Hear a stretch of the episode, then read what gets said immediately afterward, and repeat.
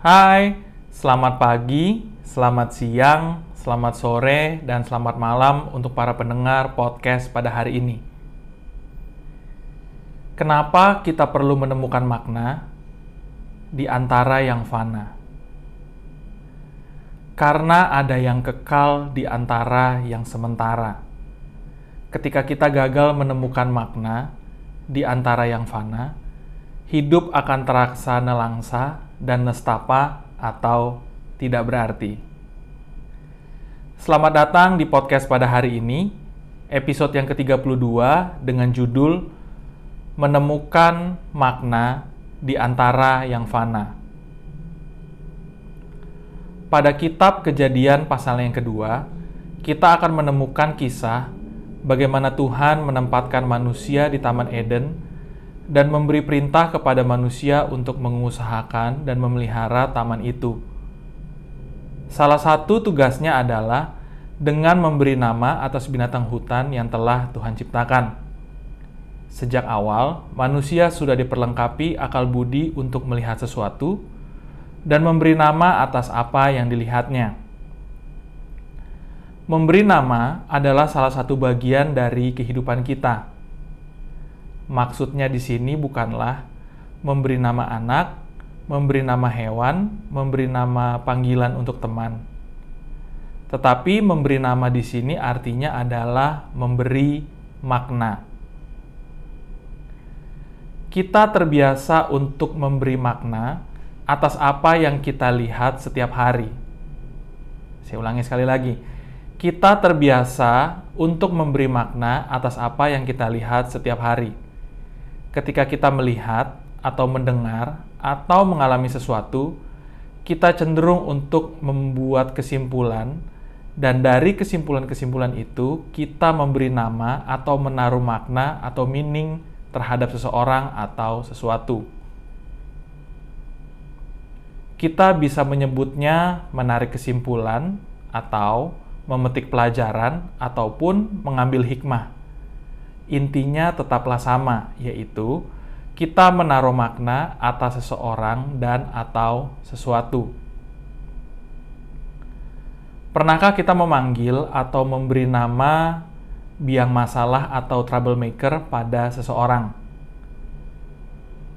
Kita dapat pastikan bahwa secara literal, nama orang itu bukanlah biang masalah atau troublemaker. Tetapi, berdasarkan dari apa yang kita lihat, kita dengar dari orang lain, ataupun kita mengalami suatu kejadian tertentu, sehingga kita menarik kesimpulan atas orang itu, dan akhirnya kita memberi nama atau memberi makna bahwa kehadiran orang itu di kehidupan kita adalah biang atau sumber masalah. Nama yang kita berikan atau makna yang kita letakkan atas seseorang atau situasi dan keadaan akan menentukan bagaimana sikap, perkataan, dan tindakan kita terhadap orang tersebut, situasi, dan keadaan itu. Saya ulangi sekali lagi. Nama yang kita berikan atau makna yang kita letakkan atas seseorang, situasi, ataupun keadaan akan menentukan bagaimana sikap, perkataan, dan tindakan kita terhadap orang, situasi, dan keadaan itu. Pemaknaan yang salah akan menuntun kita untuk bersikap salah, berkata-kata dengan salah, ataupun bertindak dengan salah. Saya ulangi sekali lagi. Pemaknaan yang salah akan menuntun kita untuk salah bersikap, salah berkata-kata, dan salah bertindak. Pada episode ini, saya akan membagikan empat hal yang dapat kita pelajari tentang makna. Kejadian 15 ayat 1 sampai dengan ayat yang ketiga. Demikianlah firman Tuhan. Kemudian datanglah firman Tuhan kepada Abram dalam suatu penglihatan. Janganlah takut Abram, akulah perisaimu, upahmu akan sangat besar. Abram menjawab, Ya Tuhan Allah, apa yang akan engkau berikan kepadaku karena aku akan meninggal dengan tidak mempunyai anak? Dan yang akan mewarisi rumahku ialah Eliezer, orang Damsyik itu. Lagi kata Abram, engkau tidak memberikan kepadaku keturunan, sehingga seorang hambaku nanti menjadi ahli warisku. Hal pertama yang kita bisa pelajari tentang meaning adalah bahkan suara Tuhan bisa jadi tidak bermakna besar kalau kita fokus pada diri sendiri dan keadaan sekitar kita. Saya ulangi sekali lagi. Bahkan suara Tuhan bisa jadi tidak bermakna besar kalau kita fokus pada diri sendiri dan keadaan sekitar kita.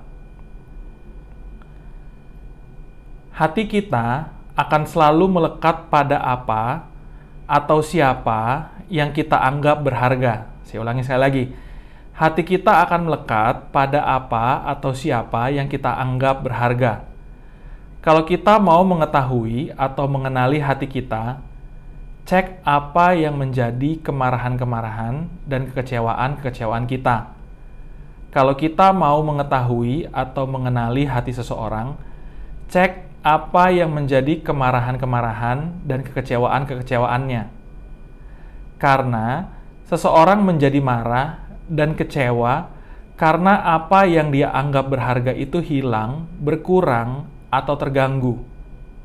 Saya ulangi sekali lagi. Seseorang menjadi mudah marah dan mudah kecewa karena apa yang dia anggap berharga itu hilang, berkurang, ataupun terganggu. pada saat itu, suara Tuhan, kehadiran Tuhan, tuntunan Tuhan menjadi tidak banyak berarti bagi Abram, karena Abram sedang fokus pada apa yang tidak dia miliki. Abram sedang fokus pada apa yang dia rasa kurang dalam hidupnya. Intinya, Abram fokus pada apa yang dia anggap berharga.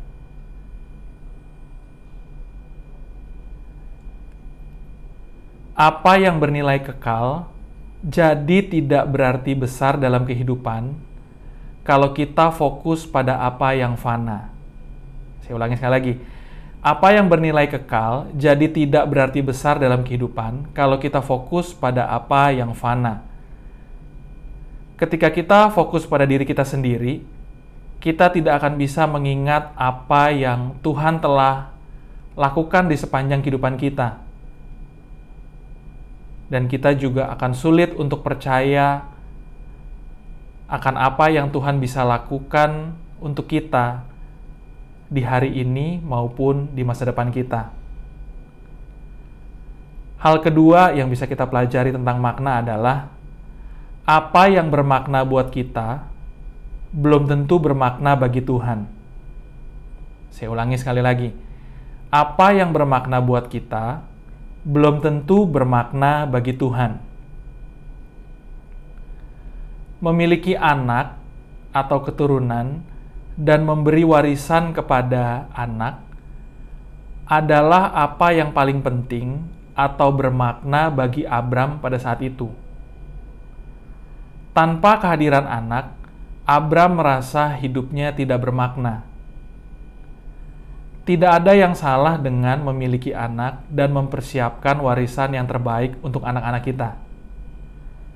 Maksud dari poin ini adalah bukan Tuhan tidak peduli dengan kerinduan hati Abram. Tentu Tuhan tahu dan memperhatikan isi hati Abram dan Sarai. Ketika Tuhan berfirman akan upah yang diterima oleh Abram, Abram merespon dengan sikap yang tidak hormat dengan berkata, "Apa yang akan kau berikan?" Atau secara sederhana atau bahasa sehari-hari mungkin berbunyi, "Apa sih yang Tuhan masih bisa berikan kepadaku atau kerjakan dalam hidupku? Apa yang aku rindukan, apa yang aku inginkan, toh Tuhan tidak berikan." Ketika kita memaknai sesuatu dengan salah, kita bahkan bisa bersikap salah, berkata-kata salah, dan bertindak salah kepada Tuhan. Ketika hati kita penuh dengan keinginan kita sendiri, Tuhan tidak lagi mendapat tempat yang utama di hati kita. ketika Tuhan jadi yang paling bermakna di hidup kita. Apa yang tidak atau belum kita miliki tidak akan mengaduk-aduk perasaan kita, karena kita tahu kita sudah memiliki yang paling berharga di kehidupan kita, yaitu pribadi Tuhan sendiri. Ketika kita berdoa dan percaya bahwa Tuhan akan menjawab setiap doa-doa kita. Kita juga harus percaya dalam caranya dan waktunya untuk menjawab doa-doa kita. Saya ulangi sekali lagi. Ketika kita berdoa dan percaya bahwa Tuhan akan menjawab setiap doa-doa kita, kita juga harus percaya dalam caranya dan waktunya untuk menjawab doa-doa kita. Kejadian 15 ayat yang keempat sampai dengan ayatnya yang keenam. Demikianlah firman Tuhan. Tetapi datanglah firman Tuhan kepadanya demikian. Orang ini tidak akan menjadi ahli warismu, melainkan anak kandungmu. Dialah yang akan menjadi ahli warismu. Lalu Tuhan membawa Abram keluar serta berfirman, Coba lihat ke langit, hitunglah bintang-bintang jika engkau dapat menghitungnya. Maka firmannya kepadanya, Demikianlah banyaknya nanti keturunanmu. Lalu percayalah Abram kepada Tuhan, maka Tuhan memperhitungkan hal itu kepadanya sebagai kebenaran. Hal yang ketiga yang bisa kita pelajari tentang makna adalah makna di hati kita berubah ketika kita setuju dan mengambil makna yang Tuhan berikan. Saya ulangi sekali lagi. Makna di hati kita berubah ketika kita setuju dan mengambil makna yang Tuhan berikan. Untuk memindahkan isi hati Tuhan ke hatinya Abram, Tuhan perlu membawa Abram keluar untuk membuka cakrawala atau wawasan yang baru Abram telah begitu fokus dengan gambaran mentalnya sendiri, cakrawalanya sendiri, dan wawasannya sendiri, sehingga itulah yang mewarnai kehidupannya. Kita perlu keluar dari rutinitas keseharian kita dan mengambil waktu untuk berdiam diri dan mengarahkan pandangan kita kepada Tuhan.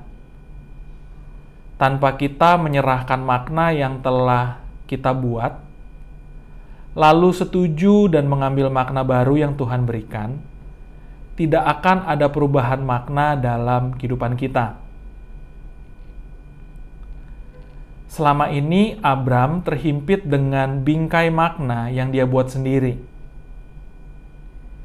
Kalau tidak punya anak, hidup jadi tidak berarti. Bisa jadi kita mudah merasa kurang merasa tidak berarti, merasa gagal, karena bingkai makna yang kita ciptakan sendiri dalam kehidupan kita.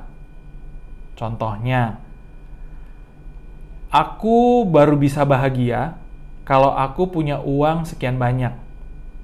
Aku akan senang kalau aku punya tempat tinggal di daerah tertentu dan punya kendaraan tertentu. Aku merasa sukses kalau aku kerja di perusahaan tertentu dengan jabatan tertentu atau mempunyai bisnis dengan omset tertentu.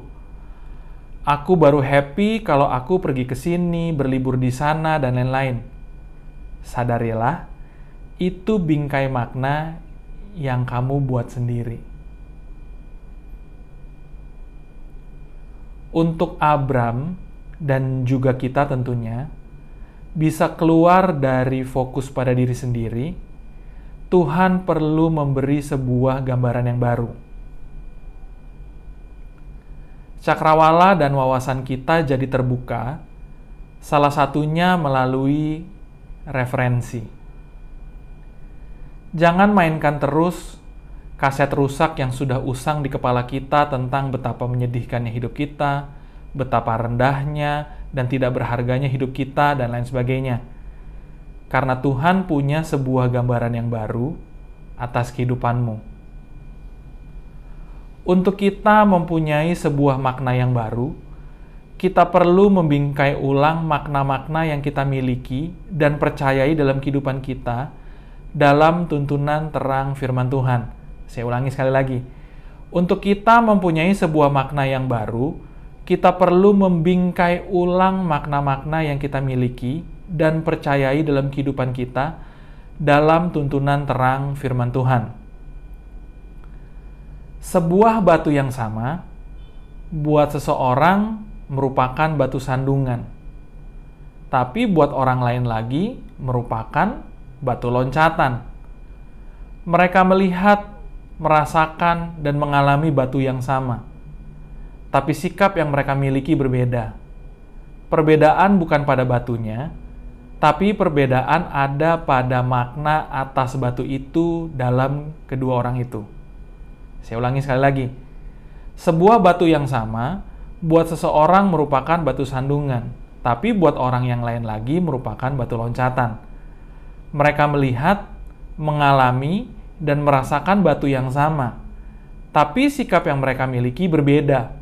Perbedaan bukanlah pada batunya, perbedaan ada pada makna atas batu dalam kehidupan kedua orang itu. Hal keempat atau hal terakhir yang bisa kita pelajari tentang makna adalah perubahan makna tidak langsung membuat keadaan kita berubah. Tetapi sikap hati kitalah yang pertama berubah. Saya ulang sekali lagi. Perubahan makna tidak selalu langsung membuat keadaan kita berubah. Tetapi sikap hati kitalah yang pertama berubah. Ketika Abram percaya, keadaan tidak langsung berubah. Tidak ada anak yang tiba-tiba lahir Sarai tidak tiba-tiba mengandung hari itu dan besokannya melahirkan. Tapi ada iman baru yang lahir di hatinya Abram. Perubahan makna membawa Abram dari orang yang putus asa jadi orang yang percaya dengan sungguh-sungguh. Bahkan Alkitab mencatat bahwa imannya Tuhan perhitungkan. Perubahan makna membuat sikap, perkataan, dan tindakan Abram berubah saya ulangi sekali lagi. Perubahan makna membuat sikap, perkataan, dan tindakan Abram berubah. Di tengah keadaan yang tidak atau setidaknya belum berubah, jangan andalkan kekuatanmu sendiri. Setiap proses pasti membutuhkan waktu, dan ketika kita sedang di dalam penantian dari jawaban doa-doa kita, kita bisa jadi berubah dari orang yang percaya menjadi orang yang kurang percaya, dari orang yang tenang menjadi orang yang panik, dari orang yang tadinya berdoa jadi orang yang tidak percaya dan sungut-sungut. Ismail adalah buah dari mengerjakan kehendak Tuhan dengan jalan pemikiran dan kekuatan sendiri. Hanya karena keadaan tidak berubah atau belum berubah, bukan berarti Tuhan tidak bekerja. Jangan berubah setia hanya karena kita lelah menunggu. Saya ulang saya lagi. Hanya karena keadaan tidak berubah atau belum berubah, bukan berarti Tuhan tidak bekerja. Jangan berubah setia hanya karena kita lelah menunggu. Amsal 3 ayatnya yang kelima sampai dengan ayat yang keenam, demikianlah firman Tuhan. Percayalah kepada Tuhan dengan segenap hatimu dan janganlah bersandar kepada pengertianmu sendiri. Akuilah dia dalam segala lakumu, maka ia akan luruskan jalanmu. Ayat ini pastinya tidak asing bagi kita, dan mungkin kita menjadikannya sebagai salah satu ayat hafalan kita. Pada episode ini, saya akan berfokus pada kalimat "janganlah bersandar kepada pengertianmu sendiri". Pada kalimat ini, ada dua kata penting yaitu bersandar dan pengertian. Saya ulangi, bersandar dan pengertian. Kata bersandar berasal dari kata sha'an yang berarti memberi diri untuk menyandarkan diri, beristirahat pada sesuatu, dan meletakkan rasa aman pada sesuatu. Kata pengertian berasal dari kata bina Kata bina mempunyai arti pengetahuan, pemahaman, hikmat, dan makna. Knowledge, understanding, wisdom, and meaning. Tanpa terang firman Tuhan, kita akan bertendensi untuk menggantungkan diri, menyandarkan diri, meletakkan rasa aman, bahkan beristirahat dalam makna atau pemahaman yang kita buat sendiri. Saya ulangi sekali lagi. Tanpa terang firman Tuhan, kita akan bertendensi untuk menggantungkan diri, menyandarkan diri, meletakkan rasa aman, bahkan beristirahat dalam makna atau pemahaman yang kita buat sendiri. Pemaknaan kita bukan berarti selalu salah, tetapi juga tidak selalu benar. Di sinilah kita perlu tuntunan Tuhan, koreksi daripada Tuhan, pengajaran-pengajaran, nasihat pemimpin rohani, pendampingan coach atau mentor, support dari keluarga rohani, untuk kita tetap pada tracknya Tuhan. Terima kasih sudah mendengarkan podcast pada hari ini. Untuk update informasi, kunjungi Instagram podcast pada hari ini di @podcast pada hari ini. Dan apabila ada pertanyaan ataupun respon dari setiap episodenya, kirimkan ke email podcast pada hari ini at gmail.com. Sampai jumpa di episode berikutnya. Tuhan Yesus memberkati.